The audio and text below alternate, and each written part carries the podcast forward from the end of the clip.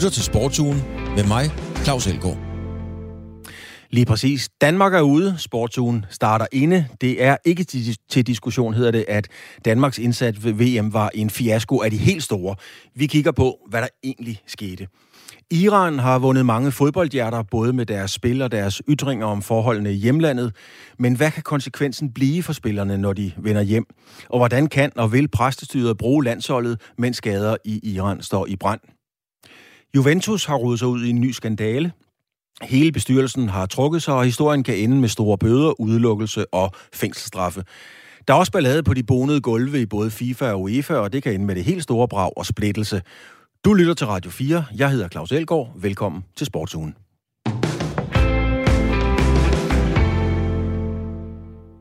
Imens Iran er i oprør over befolkningens vilkår i landet, spillede fodboldlandsholdet med ved verdensmesterskaberne i fodbold, og det var jo i Katar, eller er i Katar. Og Iran er jo et færdigt nu i turneringen rent sportsligt. Men det iranske landshold er kommet med flere markante og måske farlige statements og budskaber i løbet af turneringen.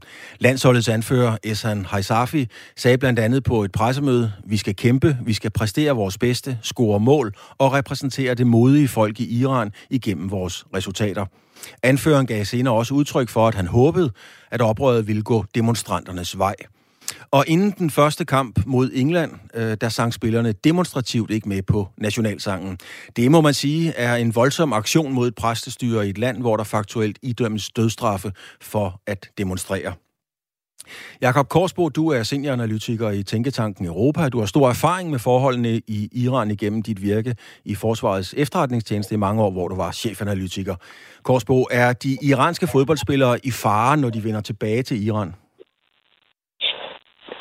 Det er de til en vis grad. Og i, i øvrigt, tak for introen. Jeg er også uh, fodboldelsker. Dejligt. Øh, ja, men det, det er de, fordi det er et, uh, et styre, der ikke skyer nogen, nogen midler. Og uh, den, uh, den situation, som uh, spillerne og, og lederne omkring holdet har været i, uh, har, har de jo været fanget som en, uh, en lus mellem, uh, mellem to uh, rigtig store negle, uh, på den måde, at uh, der er ingen tvivl om, at de fleste spillers sympati ligger hos, øh, hos folket, men på, på samme tid så vil øh, regimet jo udnytte den øh, popularitet, som, som fodbolden har, øh, til at, at ligesom flagge, at det er takket være dem, at, øh, at det går øh, fodboldholdet godt. Så, så de har været under et enormt pres når spillerne, når landsholdet, man må formode, at det er hele landsholdet, ledere osv., øh, tør komme med den slags statements og ytringer øh, mod præstestyret, er det så fordi, kunne man forestille sig, at de har en form for rygdækning i Iran fra noget stærkt, det kan være militær eller andre, øh, hvor de ligesom er sendt i byen med et krav om at sende sådan nogle budskaber? Nej, det, det tror jeg desværre ikke. Jeg, jeg tror egentlig, det er et øh, dybfølt øh, ønske og en dybfølt øh, sympati med, øh, med, øh, med, med folket på, på gaden, som, øh, som gør det. Altså, man kan sige, det øh, øh sikkerhedsstyrkerne og, og regimet er jo på den måde meget enstrenget. Øh, og jeg har svært ved at se, at der skulle være nogen indflydelsesrige kræfter, der øh, ville give dem rygdækningen til det her. Men man kan sige, at den rygdækning, de forhåbentlig har, det er, øh, hvad kan man sige, populariteten i, i befolkningen, hvor man kan sige, øh, befolkningens opmærksomhed på, øh, hvad, de har, hvad de har sagt og, og hvordan de har ageret, kan være noget af det, der gør, at, at regimet ikke går så hårdt til værks, som, som de ellers kunne have fundet på. I andre lande øh, ved man jo, at folk øh, forsvinder, og der har været eksempler på det, og sportsfolk i Kina, der er forsvundet. I, øh, i Rusland, uden at det skal lyde øh, for sjov, så er det jo blevet nationalsport, at øh, markante skikkelser falder ud af vinduerne, og så videre, når man går systemet imod. Kan man forestille sig, at nogle af de her fodboldspillere forsvinder, når man kan sige, at opmærksomheden har lagt sig? Altså, det, det, det er der en risiko for. Øh, det er der en risiko for. Noget af det, øh, som også ligesom har omgået det her, har været, at øh, Irans mest øh, øh navnkundige spiller, Ali Day, øh, som også havde en stor karriere i, i Bundesligaen, han har også været ude og, og udtrykke de samme øh, sympatier, og det var også udset, at han skulle til Katar sammen med holdet, men det nægtede han, fordi øh, øh, folket var på gaden, og, øh, og han ville blive der. Så, så man kan sige, der er måske noget med, at, øh, at det er sværere øh, for regimet for alvor at slå ned på de her øh, meget øh, berømte øh, kræfter, som, øh, som går op mod dem. Øh, jeg, altså, jeg kender regimet godt nok til at vide, at de skyr ikke nogen midler, men igen, det vigtige for dem er at undgå at gøre, gøre en svær situation værre, øh, tror jeg. Og det kan godt være, at deres kalkyle er, at, at det her vil nok være noget, der, der, der gør situationen endnu værre for, for dem selv. Jeg hørte hos vores kolleger på P1 Morgen øh, her tidligt i morges, at en iransk øh, mand var blevet skudt til synlædende, fordi han fejrede Irans øh, nederlag. Altså man kan sige det på den måde, det er jo ikke alle i befolkningen i Iran, der elsker eller sympatiserer fodboldlandsholdet til kendegivelser. Øh, kan, kan det her være med til at splitte befolkningen endnu mere? Altså, det er jo det, som, øh, hvad kan man sige, øh, regimet øh, håber, at de ligesom har kunne, øh, kunne gøre, øh, give en splittelse mellem befolkningen og holdet. Og det har de haft en vis succes med, og det er derfor, man ser de her demonstrationer, hvor de lige frem fejrer øh, øh nederlaget. Øh, og, og det er jo fordi, at det lykkedes for regimet at, at, at ligesom overtage holdet. Og, øh, og det er derfor, det er blevet så upopulært i store dele af, af befolkningen. Det er ikke så meget på grund af det, spillerne gør og spillernes holdning til det, men mere fordi simpelthen, at regimet udnytter dem. Og så øh, er der en, øh, en anden øh, ting i det, hvis man ser på nederlaget forleden aften til USA.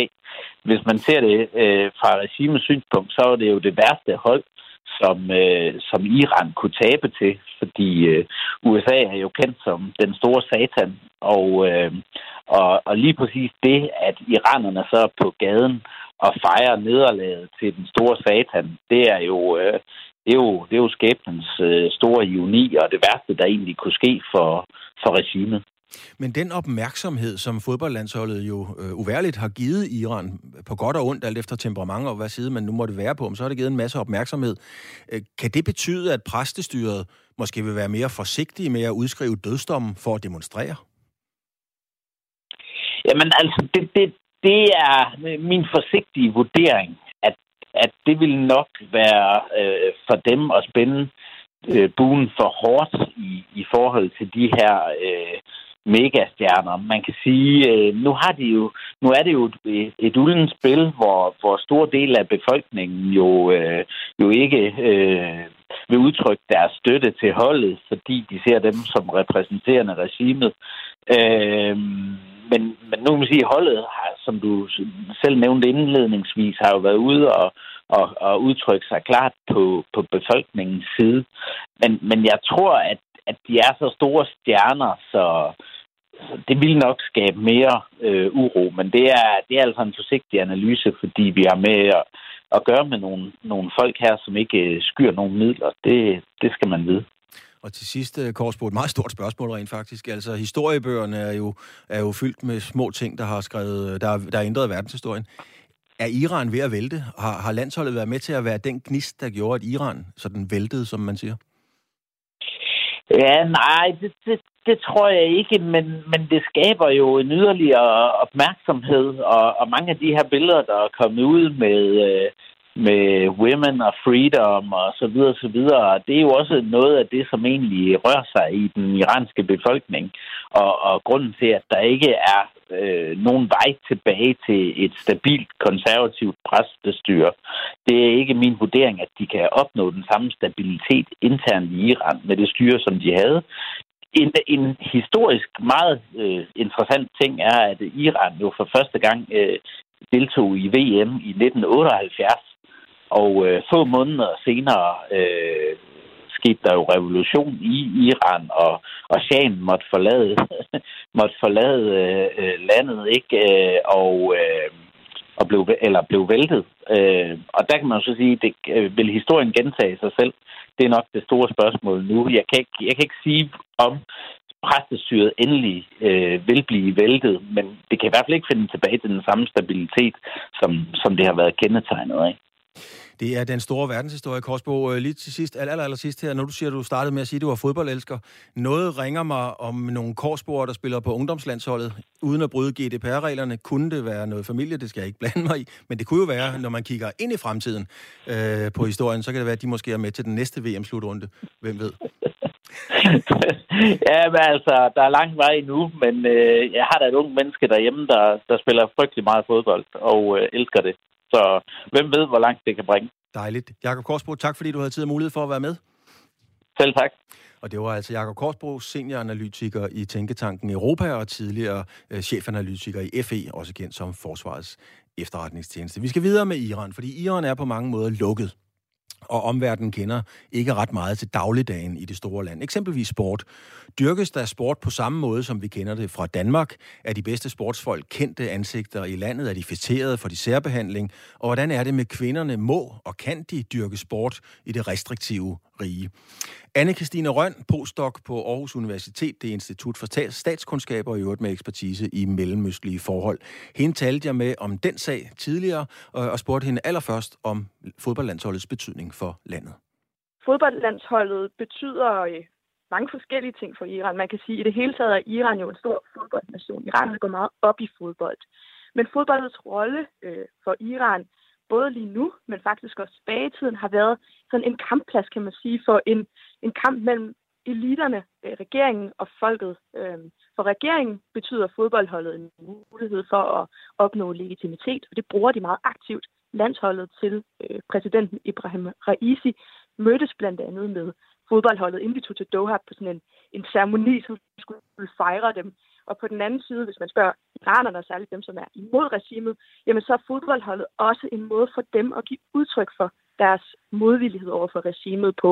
Og det kan man jo blandt andet se på tilskuertribunerne øh, til VM lige nu, at de iranske fodboldfans har malet tårer under deres øjne, for eksempel til at, at mindes offrene for protesterne i Iran, og Massa Amini, den 22-årige kvinde, som jo så døde i moralpolitiets varetægt.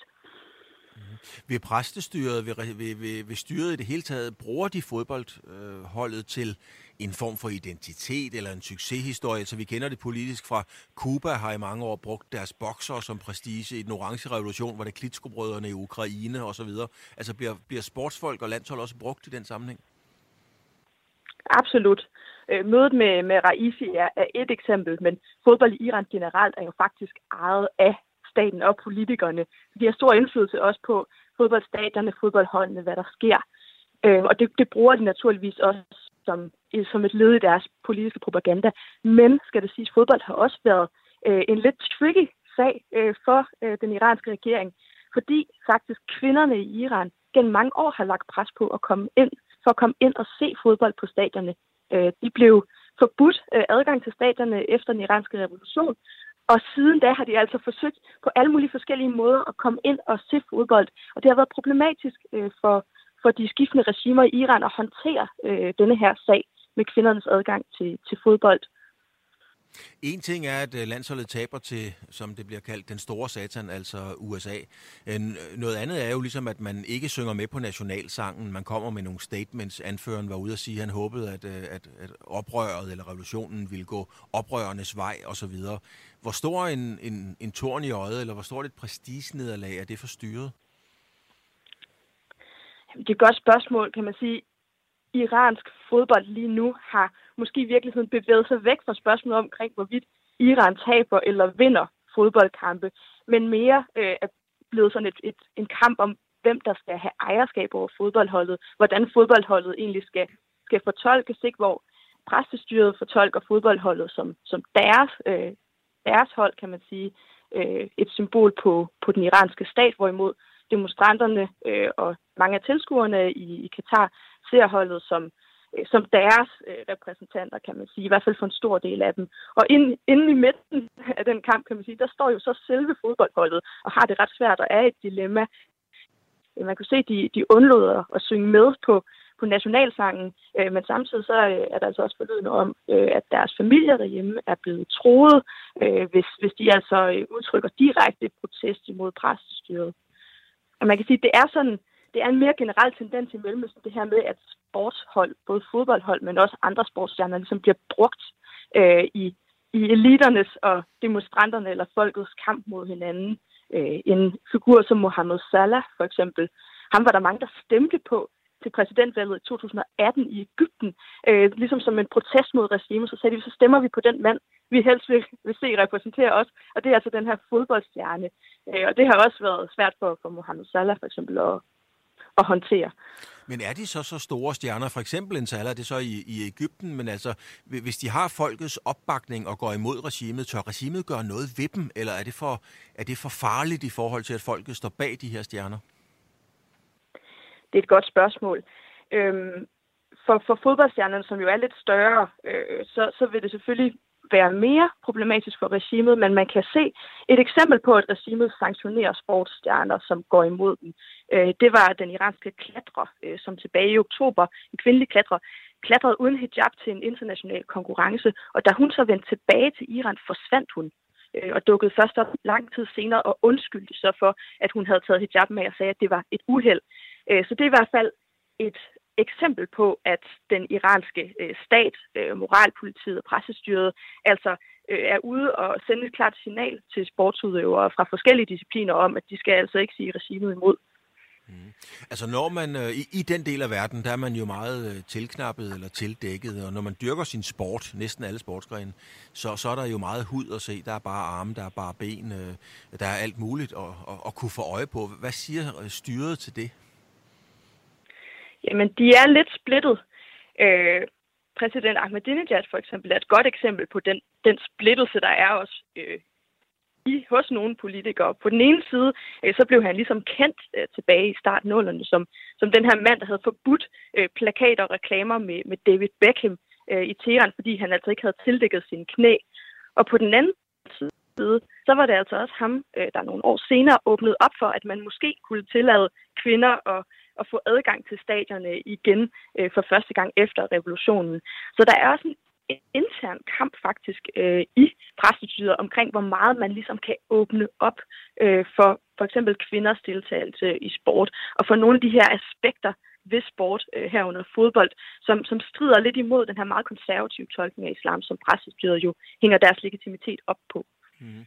Hvis nu man er kvinde i Iran og godt kunne tænke sig at spille, ja hvad ved jeg, badminton eller tennis eller gå til svømning eller et eller andet, kan man så bare melde sig ind i en klub, eller hvordan er det? Jamen ironisk nok har Iran faktisk et kvindelandshold. Men, men det her kvindelandshold kan nok i højere grad blive, blive tolket som sådan et eksempel på sportswashing. Altså i Irans pressestyre vil vise, at øh, de altså tillader kvinder at, at spille fodbold, og det samme kan man også sige med, øh, med det kvindelige publikum øh, til fodboldstadierne, som faktisk fik tilladelse i år for første gang til at komme ind og se fodboldkampe. Men det var altså kun 500 kvinder, der fik lov til at, at tage ind og se øh, den her store fodboldkamp øh, på sådan nogle særlige afdelinger af stadion, også hvor det kun var kvinder, der kunne være, og de kom også ind af deres egen indgang. Så udad til, forsøger præstestyret jo at sende et signal om, at kvinder er velkomne i sport. Det er i hvert fald nogle af de ting, vi ser lige nu, men deres rolle i sport, deres mulighed for at deltage og se sport er jo yderst begrænset. Øh, og, øh, og bliver fremlagt, kan man sige, som et, et praktisk problem. Øh, det var også det, man så på stadierne øh, med iranske kvinder, at øh, præstestyret prøvede at sende et signal om, at de i virkeligheden øh, var villige til at give dem adgang, men at der var nogle, en masse praktiske, logistiske udfordringer for at holde mænd og kvinder adskilt, som gjorde, at de desværre ikke kunne give mere end 500 kvinder adgang til stadionet. Så sådan den situation, vi jo kender fra, fra, fra Danmark og Vesteuropa, altså hvor du spiller badminton, tennis, paddle, squash, du spiller en mixdobbel, altså hvor du spiller med, med en mand eller en kvinde, som du ikke lige nødvendigvis er gift med, den er utænkelig i Iran. Ja, altså selv på stadierne kan man jo se, at kvinder og mænd skal sidde adskilt. Øh, mixed Øh, nu, nu ved jeg ikke så meget om Irans badminton, som jeg har svært ved at forestille mig, at mandlige og kvindelige iranske spillere spiller mixed øh, hverken i Iran eller ude i internationale turneringer. Mm. Til sidst her, øh, den øh, demonstration, eller det, hvad skal vi sige, det statement, som fodboldlandsholdet jo er kommet med her, og som jo har vundet mange hjerter rundt omkring i verden, ikke bare for det sportslige, men, men, men for det statement, de har tur komme med. Fordi alle er jo enige om, at det, det er en farlig mission, de er ude i. Er det noget, der kan være en game changer, hvis man kan tillade sig at sige sådan, i forhold til situationen i Iran? Det er vanskeligt at sige. Men lige nu, kan man sige, så bruger demonstranterne jo et hvert symbol, de kan få fat i til at, at tale deres sag. De har jo, kan man sige, formået at udfordre pressestyret, men spørgsmålet er, om VM, fodboldlandsholdet og andre øh, symboler, kan man sige, som protesterne bruger, er, er stærke nok våben øh, til, at de for alvor kan, kan lægge pres på styret. Øh, jeg vil mene i hvert fald, at der skal mange andre ting til, end, end bare lige VM og et, et fodboldlandshold, før at de her demonstrationer virkelig kan, kan formå at, øh, at skabe forandringer. En af de ting, der skal til blandt andet, det er spørgsmål omkring organisering, det er spørgsmål omkring, hvorvidt de kan få øh, fagforeningerne og andre sådan strukturer i Iran, øh, civilsamfund, øh, til at gå med. Det er, nok, det er nok nogle af de ting, vi i højere grad skal, skal fokusere på, når vi skal vurdere, hvorvidt protesterne øh, kan lykkes øh, med at, øh, at for alvor lægge pres på regimet.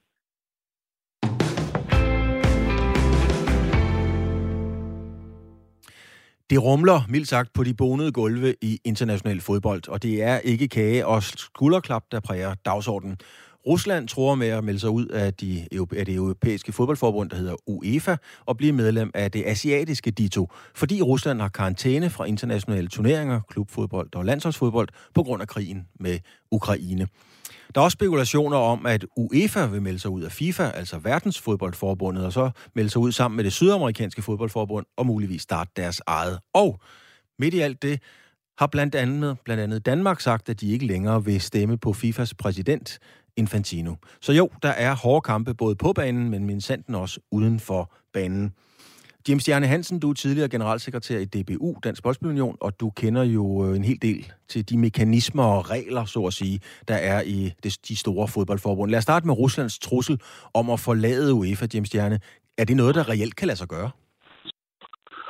Uh, altså, der er i hvert fald fortilfælde, hvor man ser, at uh, det, der jo er udgangspunktet for, for FIFA og dets konfederationer eller kontinentale forbund, det er jo den geografiske placering. Og der har vi jo set et par eksempler på, øh, at øh, øh, forbund, der er placeret i under et kontinent, bliver medlem under et andet kontinent. Mm. Så det skete jo i tilfældet med Israel, da Israel ikke var særlig velkomne i det asiatiske fodboldforbund. Så søgte de jo optagelse i UEFA, og det fik de så med medlemmerne af UEFA's øh, velsignelse. Med alt respekt, Jim Stjerne, for de asiatiske fodboldnationer, Rusland er jo uanset hvad en stærk fodboldnation, så er det jo lettere for dem og deres hold at kvalificere sig videre mod øh, hold eller lande som Indonesien, Thailand og Mongoliet, end mod Tyskland, Frankrig og Belgien. Altså, hvad skal, skal, skal, skal de asiatiske forbund stemme dem ind eller sige ja, eller hvad vil praksis være der? Jamen altså, de, det asiatiske forbund og dets medlemmer skal øh, øh, Øh, godkende optagelsen af et øh, medlem, som ikke geografisk er placeret på deres kontinent. Så, så det vil være en, en afstemning på en kongres, som afgør, hvorvidt at asiaterne vil optage Rusland. Hvad vil det betyde, Jim Stjerne, for UEFA? Fordi fodbold på det niveau er jo også en mega, en, en meget, meget stor øh, økonomisk forretning, kan man sige. Har det nogen økonomisk betydning for UEFA, hvis de, som i går så en mister Rusland? Uh, nej, jeg tror, det har større betydning for Rusland, hvis de ryger ud af UEFA. Fordi uh, UEFA har nogle meget attraktive uh, turneringer, både for klubhold og landshold, hvor medlemslandene jo tjener store penge. Så, så det vil være en bagdel for Rusland rent økonomisk, og, og formentlig en meget lille bagdel for UEFA. Der er også, skal vi sige, ryster, spekulationer om, at UEFA, altså det europæiske fodboldforbund, vil forlade FIFA sammen med det sydamerikanske forbund. Øh, kan du se det for dig som en, som en, en, en, en reel mulighed? Ja, altså den snak er jo dukket op i kølvandet på øh, Infantinos øh, planer om at indføre VM hver andet år, og uh, planer om at indføre en international klubturnering i konkurrence med UEFA's Champions League. Så øh, altså, det er det lys, det skal ses, så hvis, hvis han øh, altså FIFAs præsident forsøger at gennemtrumfe noget sådan på vegne af FIFA og FIFAs medlemslande, så kunne jeg godt forestille mig, at både UEFA og Comebol, som er det sydamerikanske forbund, at de kunne overveje at melde sig ud. Men hvad er det så for en situation, Jim Stjerne, vi kommer til at stå i? Vi kender det jo lidt fra boksning, hvor der er flere verdensmesterskaber og flere forbund. Kan vi komme til at stå i en situation, hvor der bliver afviklet to verdensmesterskaber? Øh, nej, det tror jeg ikke, fordi øh, altså, fodbolden har jo holdt sig øh, til et verdensforbund og et nationalt forbund per land. Øh, og der, der tror jeg, der, der er lang vej til, at øh, vi kommer i fodbolden til at se en situation, som man har set i boksningen. Mm. Hvis man kigger på FIFAs situation nu, med, med den øh, kritik, der har været, og det ene med det andet, er FIFA troet? Øh, nej, det, det ved jeg ikke. Altså, ja, de er jo troet som verdensforbund, hvis øh, to af de øh, seks konfederationer melder sig ud, og så til og med de to stærkest sportsligt set.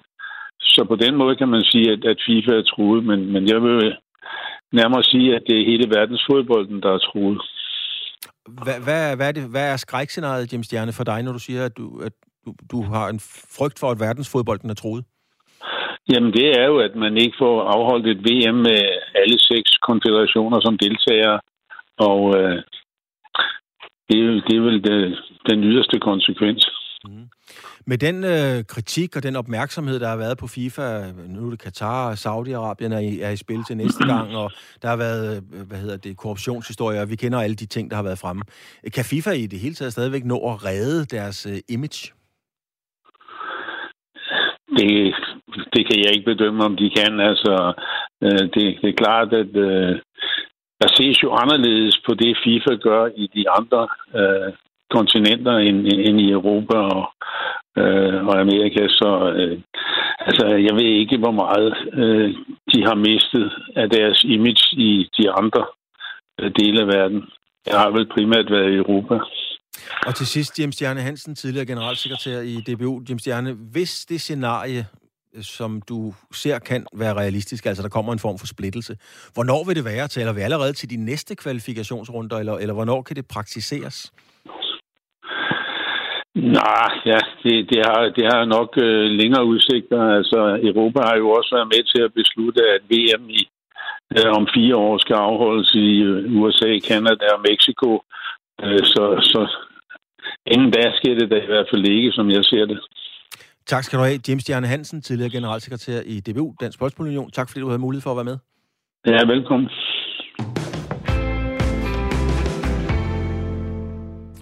Fodboldklubben Juventus har måske gjort lidt for meget, fordi det er jo, som man øh, siger, at gøre eller ikke gøre, det er spørgsmålet. Og nu er spørgsmålet så, om Juventus har gjort for meget. For mandag kom det nemlig frem, at bestyrelsen i den hedderkronede italienske klub trækker sig. Det er nærmest uden fortilfælde, men hvor skø- trykker skoen mest på den gamle dame, som de hedder fra støvlelandet. Fiatbossen Andrea Agnelli trækker sig som formand sammen med resten af bestyrelsen, der blandt andet indeholder den tidligere topspiller og KFA Pauli Nedved.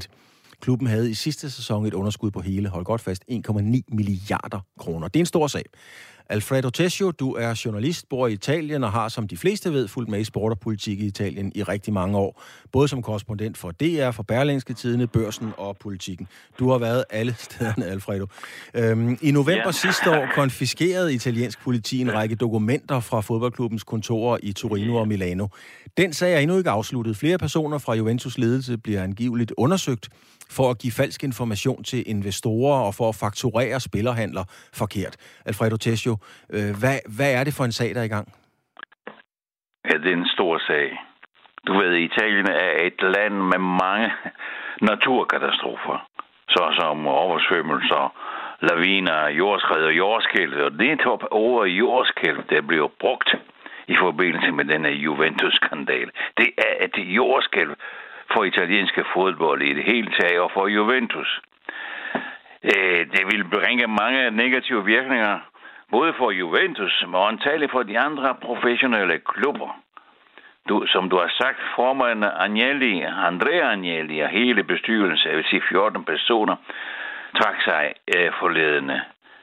Men for to timer siden er det her ikke være nok, fordi statsadvokaten i Torino har anklaget dem officielt. Det betyder, at disse skal møde op i en retssag og besvare deres opførelse. Hvorfor de gjorde det. Og hvorfor spørger italienerne, både dem, der elsker fodbold, og dem, der hader fodbold, for det er den store sag. Men, men Tessio, Tessio, vil det sige, at Agnelli og, og Netved, står de simpelthen til at risikere en fængselsstraf, hvis de dømmes? En fængselsstraf lige frem, ja. Det tror jeg ikke, det bliver, fordi familien Agnelli er for stærkt. Og vi bruger alle mulige øh, fiduser for at undgå det. Men øh, det er officielt, de risikerer en fængselsstraf. Ikke så forfærdeligt meget, men det gør de. Og selvfølgelig, hvis det bliver straffet, det er med betingelsesstraf. Mm. Men det vil sige, at øh, lad os gå lidt tilbage, fordi i de sidste fem år har Agnelli mm, øh, bestyr, og bestyrelse og Juventus akkumuleret øh, et underskud i klubbens regnskaber. Der er tale om 612 millioner euro, der svarer, hvis jeg ikke regnede for korrekt, til cirka 4,5 milliarder kroner. Og det er det, der fik dommerne i Torino at undersøge lidt nærmere, fordi det der med en stor underskud på 600 millioner, det kan ske i alle brancher, økonomiske brancher.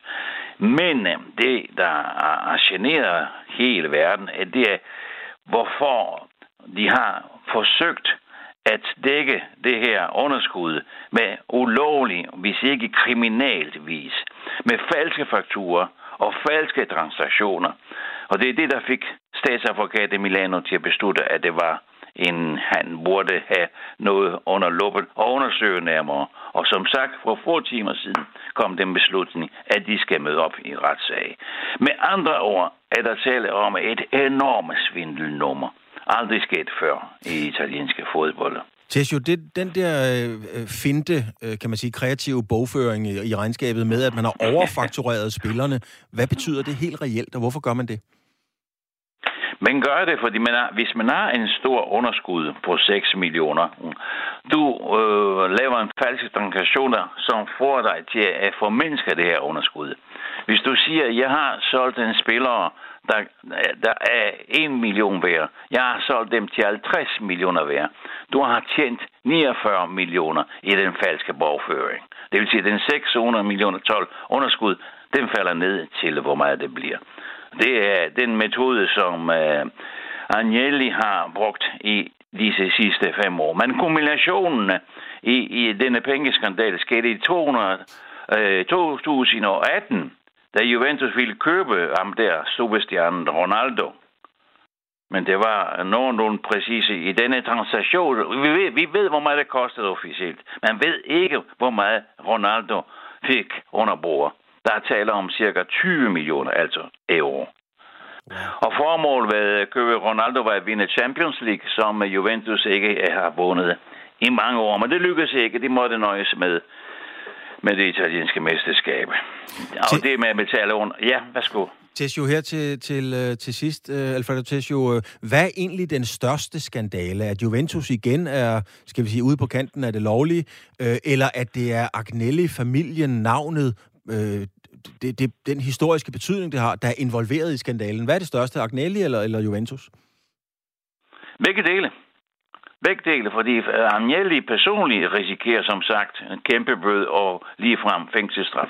Men Juventus som klubben risikerer, hvis ikke nedrykning, som det skete i 2006, med en anden skandale, en anden stor skandale, men denne gang involverede skandale, øh, spillere og, og, og dommer om ikke øh, penge og kassepenge. Denne gang er det Juventus også risik- risikerer også at få en, øh, en straffe på point i, i stillingen og kæmpe bøde.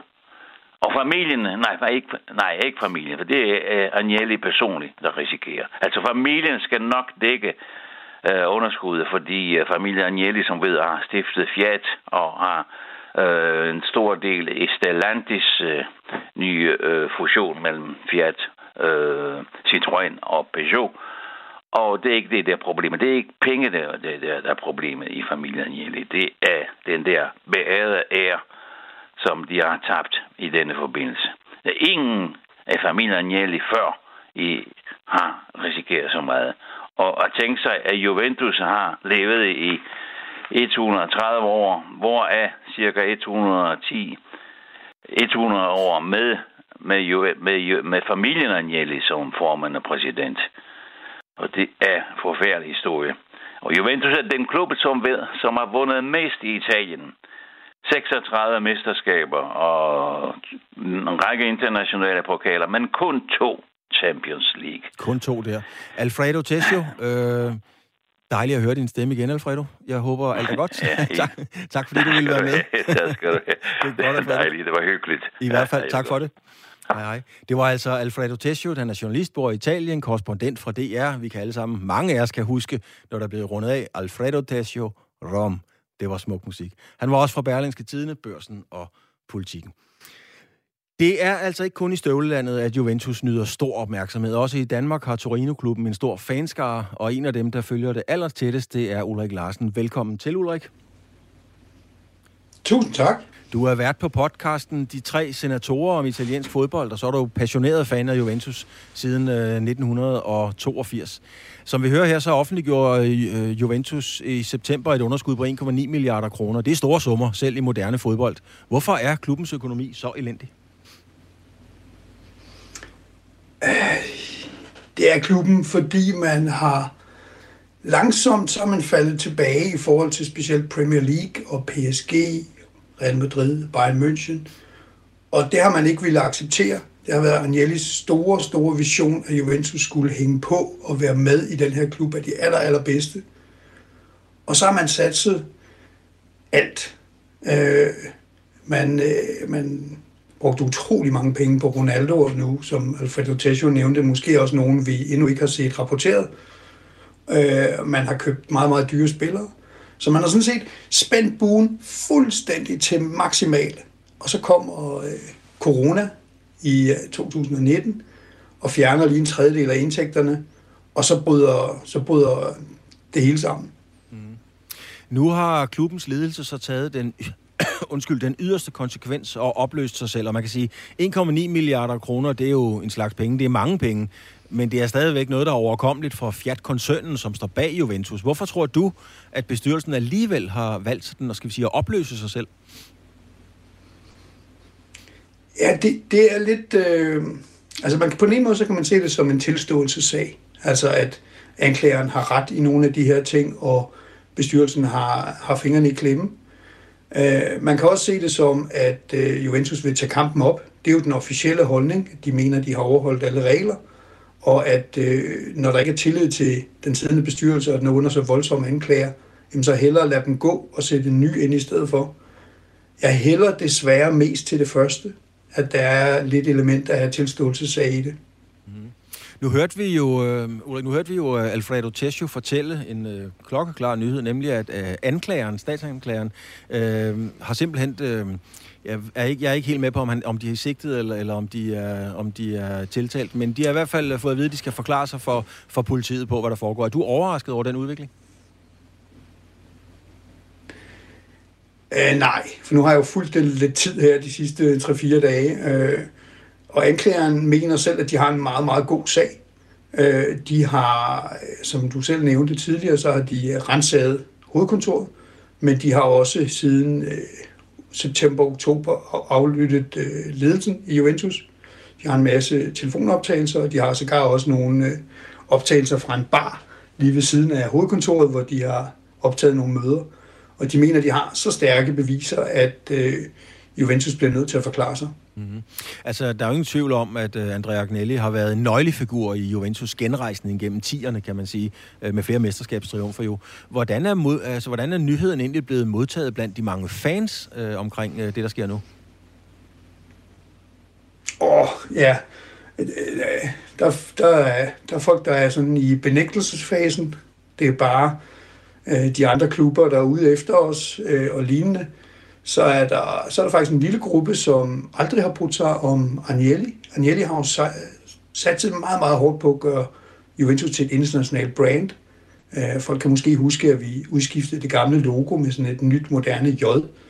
Og det er bare en lille del af den her store omvæltning. Øh, Juventus har også taget et opgør med de allermest fanatiske tilhængere, dem der hedder Ultras, Øh, man har øget priserne på stadion. Der, der er mange ting, man har taget, som har været upopulære. Så der er også en lille gruppe, som synes, at det her nu, nu kommer straffen for de ting, Agnelli har foretaget sig. Og så er der vel de fleste af os, som bare er grundlæggende triste over, at Juventus endnu en gang er i sit søgelyse for alt det negative. Ulrik, hvis du lige sådan tager, skal vi sige, tager hjertet væk fra ud af ligningen lige nu, så, så må vi jo konstatere, at Juventus er 10 point efter førstepladsen i, i den hjemlige liga. De er ude af Champions League. Regnskabet, som vi øh, hører om her, det er blodrødt. Øh, børstilsynet kigger, kigger dem efter i sømne, og Alfredo Tessio har lige fortalt, at statsanklageren vil have dem til at møde op og give en forklaring. Har du nogen realistisk tro på, at Juventus har en fremtid i international fodbold? Ja, det har jeg faktisk. Det har jeg faktisk. Altså, øh, nu kan det jo godt se ud som om, at, det er, problemerne er uoverstigelige, men, men anklager er ikke det samme som, at man bliver dømt. Og slet ikke nødvendigvis i Italien, hvor, hvor retssager er lange og komplicerede osv. Jeg tror, at de har lavet nogle ting, som de ikke burde gøre, men jeg tror ikke på, at vi snakker nedrykning eller noget i den stil. Øh, og så tror jeg samtidig på, at Juventus er ved at prøve at finde sine ben igen. Øh, hvis vi kigger på de sidste 10 kampe, så har Juventus øh, sådan set egentlig lavet rent bord og vundet dem alle sammen. Og det går bedre og bedre i ligaen, når man er ved at finde sine gamle, øh, måske ikke så moderne ben, men et meget solidt forsvar og øh, nogle øh, afgørende 1-0, 2-0 skødscoringer. Så Juventus kan godt være der, men, men det er klart, at øh, jeg tror, man skal nok opgive den der idé om, at man kan følge med Premier League, og man kan følge med de, stage, de klubber, der er støttet af, af ørkenstater. Øh, det, det, kan Juventus ikke holde til. Tak skal du have, Ulrik Larsen. Tak fordi du har tid og mulighed for at være med her. Det var så lidt. Tak skal I have. Og det var altså Ulrik Larsen, vært på podcasten De Tre Senatorer om italiensk fodbold, og den er bestemt værd at lytte til, hvis man interesserer sig for italiensk fodbold, og den er jo også bestemt værd at lytte til under alle omstændigheder.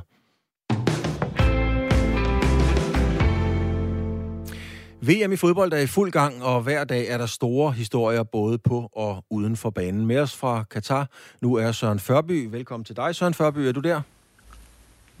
Det er jeg, Claus. Tak for det. Det var godt. Du var på stadion i går til den vel nok dårligste landsholdspræstation øh, i nyere tid, da landsholdet tabte til Australien.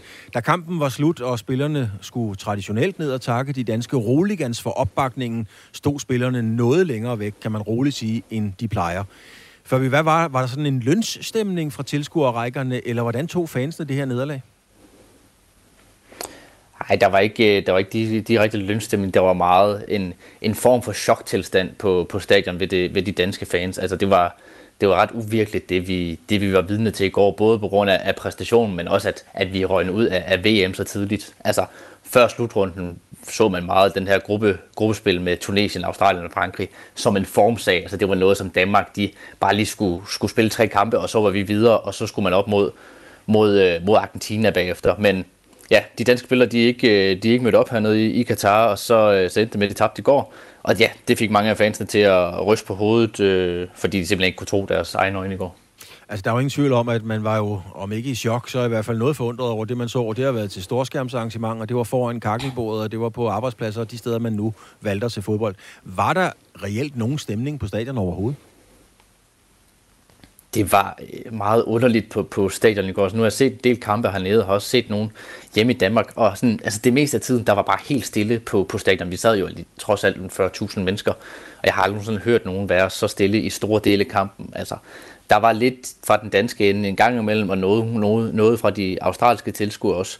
Men, men i det store hele, jamen, så var der meget stille. Og efter, altså efter Danmarkskampen, der tog jeg videre til Argentina-kampen, øh, som spillede mod Polen.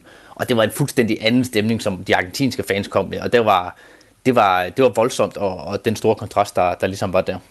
Jeg hørte øh, Fabi, i TV2 News i, i morges, nogen, der havde overvejet kampen, som sagde, at der var så stille, så man kunne høre, at de danske spillere mundhugges og, og sagde noget til hinanden osv. Øh, havde du også den oplevelse? Ja, det, det, det kunne man sagtens høre. Nu sad jeg også en, en del øh, langt op på tilskuerne. Jeg kunne stadig høre, når Kasper Schmeichel han, øh, han skældte ud på Alexander Bag eller, eller Joachim Melle. Og det var, det var meget bizart at være, at være med til den der nedsmeltning, som man ligesom kunne følge med øh, på første række så, så tæt på er det reelt kun Danmark, der interesserer sig for, hvordan det danske fodboldlandshold har klaret sig? Ej, det øh, hernede, der er Talk of Town i går, at, øh, at Danmark de røg ud i går, altså til Australien og, og til Tunesien, og de, fordi mange har haft Danmark som, som en eller anden form for dark horses til at kunne nå langt til det her VM. Vi så jo sidste øh, år til EM, hvor langt de kom. Altså, de kom til en semifinal i, i Europamesterskaberne. Ikke? Men, men, men ja, de har, de har skuffet, og, og det er også de store overskrifter, både hernede, men også i de internationale medier. Altså nu er VM jo sportsligt fodboldmæssigt slut for Danmarks vedkommende. Vi ved jo, at der ikke har været helt så mange fans, eller nær så mange fans, som ved andre slutrunder. Men har du alligevel oplevet en eller anden øh, form for rødhvid fodboldfest? Altså se bort fra resultatet, men har der været tiltræk? Altså de danske roligans, som er så berømte, har de trådt i karakter? Nej, det, det, er, det har de ikke i hvert fald ikke i, ikke i gadebilledet. Jeg ved, at de har, har mødtes inden øh, kampene mod, mod Frankrig og mod Australien i går. Der er de mødtes på et hotel, mødtes der samlet, fordi der, også, der kan man få alkohol, og der kan man ligesom vælge, hvilke regler, der ligesom skal styres der. Så jeg ved, at de har haft en fest selv, men i det store hele, i gadebilledet, ja, der, har man ikke, øh, der har man ikke set den. Jeg har set et par stykker gå rundt på kampdage, men ellers ikke. Det er primært øh, saudier og mexikanere og tunesere, man ser øh, rundt i gadebilledet øh, have en kæmpe fest med, at, øh, at VM er, er her, i, eller her i Katar. Fortsat god øh, slutrunde ned Førby. Det er jo ikke sidste gang, vi kommer til at høre fra dig, og heldigvis for det. Øh, fortsat god tur derned, og vi glæder os til at skal høre noget nyt fra din stemme. Tak fordi du kunne være med. Tak for det, Claus. Vi bliver i øh, det sportslige omkring det her nede. Nu har vi snakket om fodbold i hele udsendelsen, uden at tage fat på, skal vi sige, den nyeste og måske allerstørste elefant i rummet. For herrelandsholdet er jo ude af VM. Det er ikke nogen breaking news efter et nederlag, og uafgjort mod Tunesien og nederlag til Frankrig, og så Australien her til sidst altså. Hvad der skulle have været en rød-hvid ørkenstorm, kan kaldes for en svag vind fra nord. Leif Rasmussen, du er journalist og sportsredaktør på Fyns Stifttiden og Jysk Fynske Mediers mand på landsholdet. Det blev til et eneste mål for Danmark på en dødbold, hvor en midterforsvar scorede på en assist fra en anden midterforsvar. Øhm, at det er en fiasko, den præmis, som vi siger i vores forfag, den er jo slået fast. Men, men Leif, hvad er der gået galt? Ja, du er jo allerede inde på det, når du øh, præsenterer det på den måde, at det er to øh, forsvarsspillere, der har stået for det, for det eneste mål. Altså, på, på intet tidspunkt var der jo nogle af de 6-7 angriber, der viste noget, som kunne gøre, at man blev optimistisk på, på Danmarks vegne. Altså, der er blevet udtaget nogle spillere, som nok ikke burde have været med.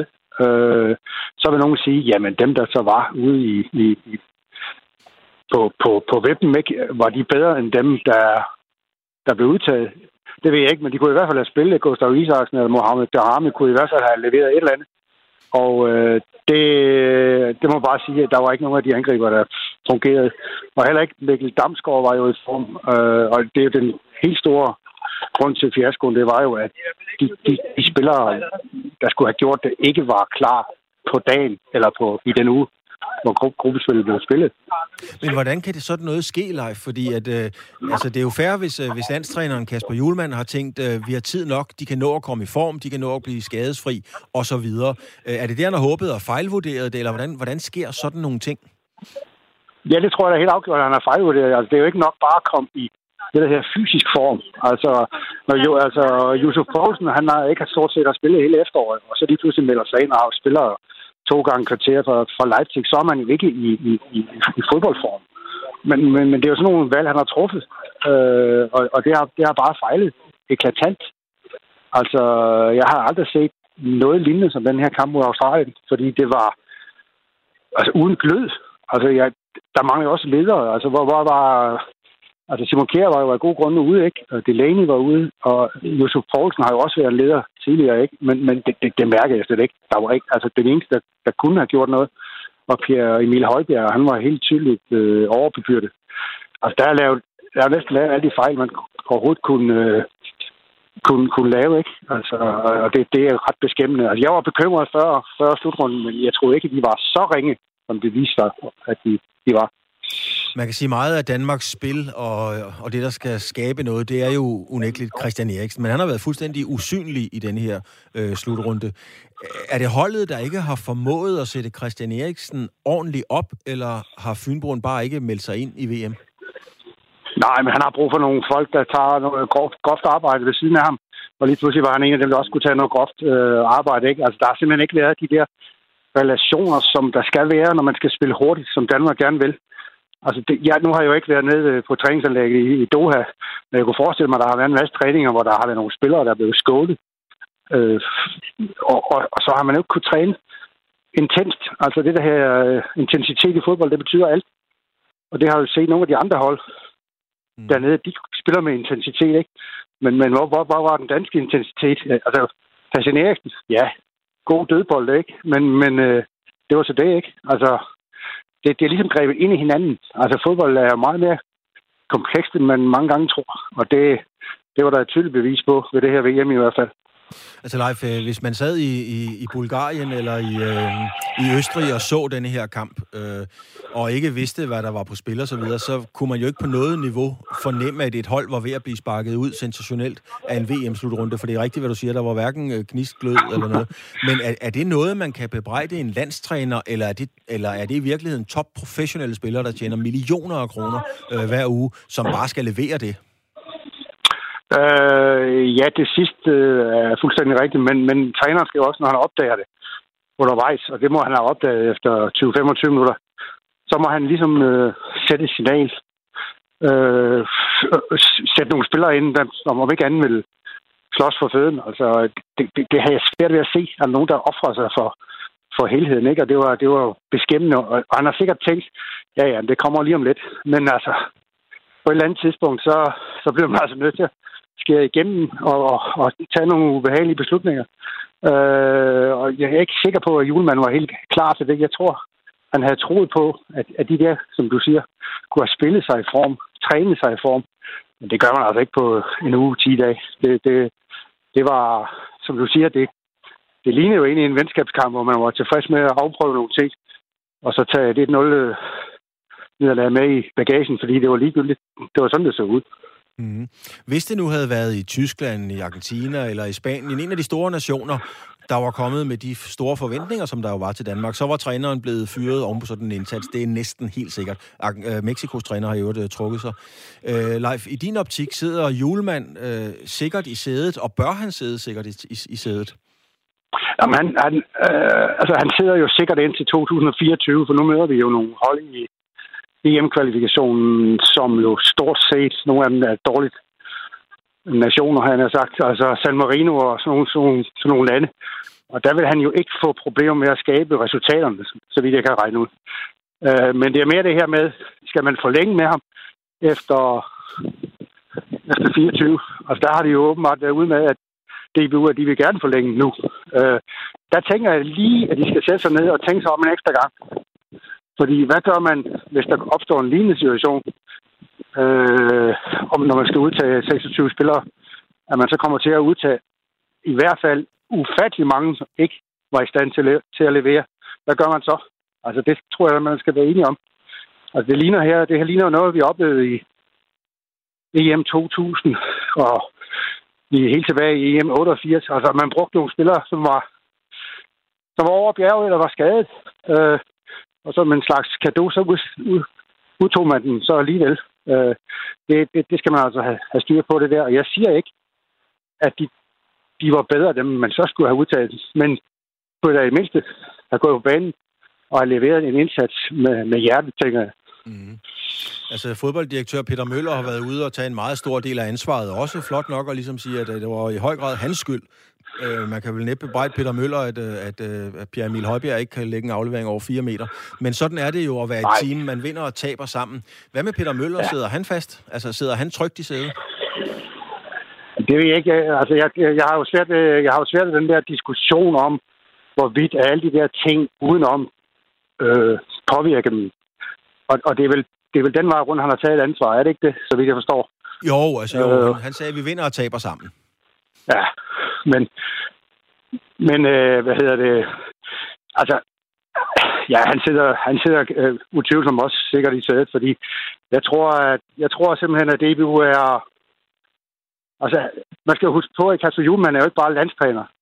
Han er jo udtaget som landstræner, eller ansat som landstræner for, at der er en linje i alt, hvad der foregår i DBU, i modsætning til, da hvor Harreide var der. Han skulle bare skabe nogle resultater. Øh, og derfor har han jo ufattelig lang snor, og derfor tror jeg også, at Peter Møller har lang snor. Altså, de næste to år vil der ikke komme til at ske noget som helst. Og man kan også sige, jamen, hvor mange af spillerne er over bjerget, det er ja, Simon Kjær, ikke? Og måske Josef Ford, selvom man har en alder, der skulle indikere noget andet, så har han alligevel så har fodboldkarrieren været hård ved hans krop, ikke? Og så der er jo stadigvæk spillere, som kan udvikle sig. Øh, så der er, der, der vil det vi vil sige, at det, det, det her, det slår vi en streg over, og så, så kommer vi igen. Det, det, det tror jeg helt, helt afgjort, det vi gør. Tak skal du have, Leif Rasmussen. Vi skal til at have nyheder. Det var altså Leif Rasmussen, øh, chefredaktør af Fyns Stifttiden, men også Jysk Fynske Mediers mand på landsholdsfodbold. Det var i hvert fald, hvad vi havde fra VM-slutrunden denne omgang.